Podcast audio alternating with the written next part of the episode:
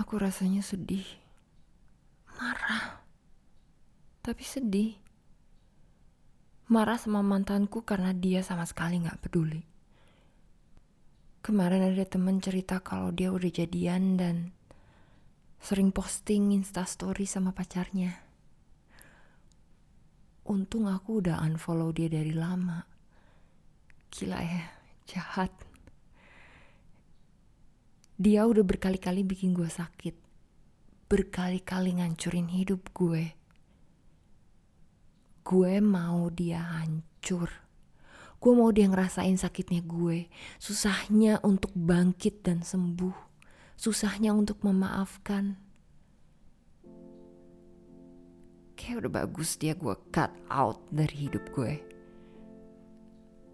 akhirnya terkabul juga keinginan bonyok gue setelah sekian tahun.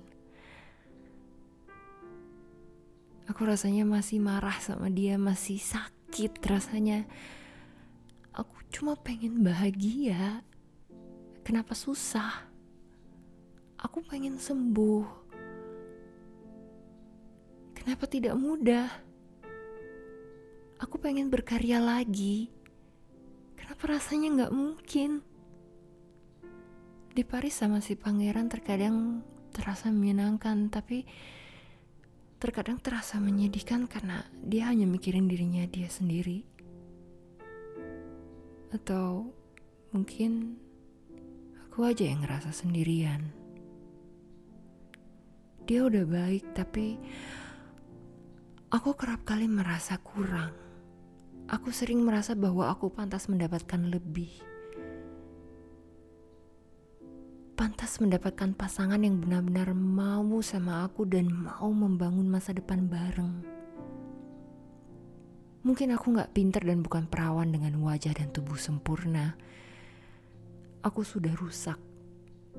Aku sudah usang dengan beberapa bagian yang tidak berfungsi dengan baik, tapi Tuhan aku selalu berusaha menjadi orang yang baik. Berusaha memperlakukan orang lain sebaik mungkin Tidakkah aku boleh mendapatkan pasangan yang juga demikian? Apakah itu mustahil?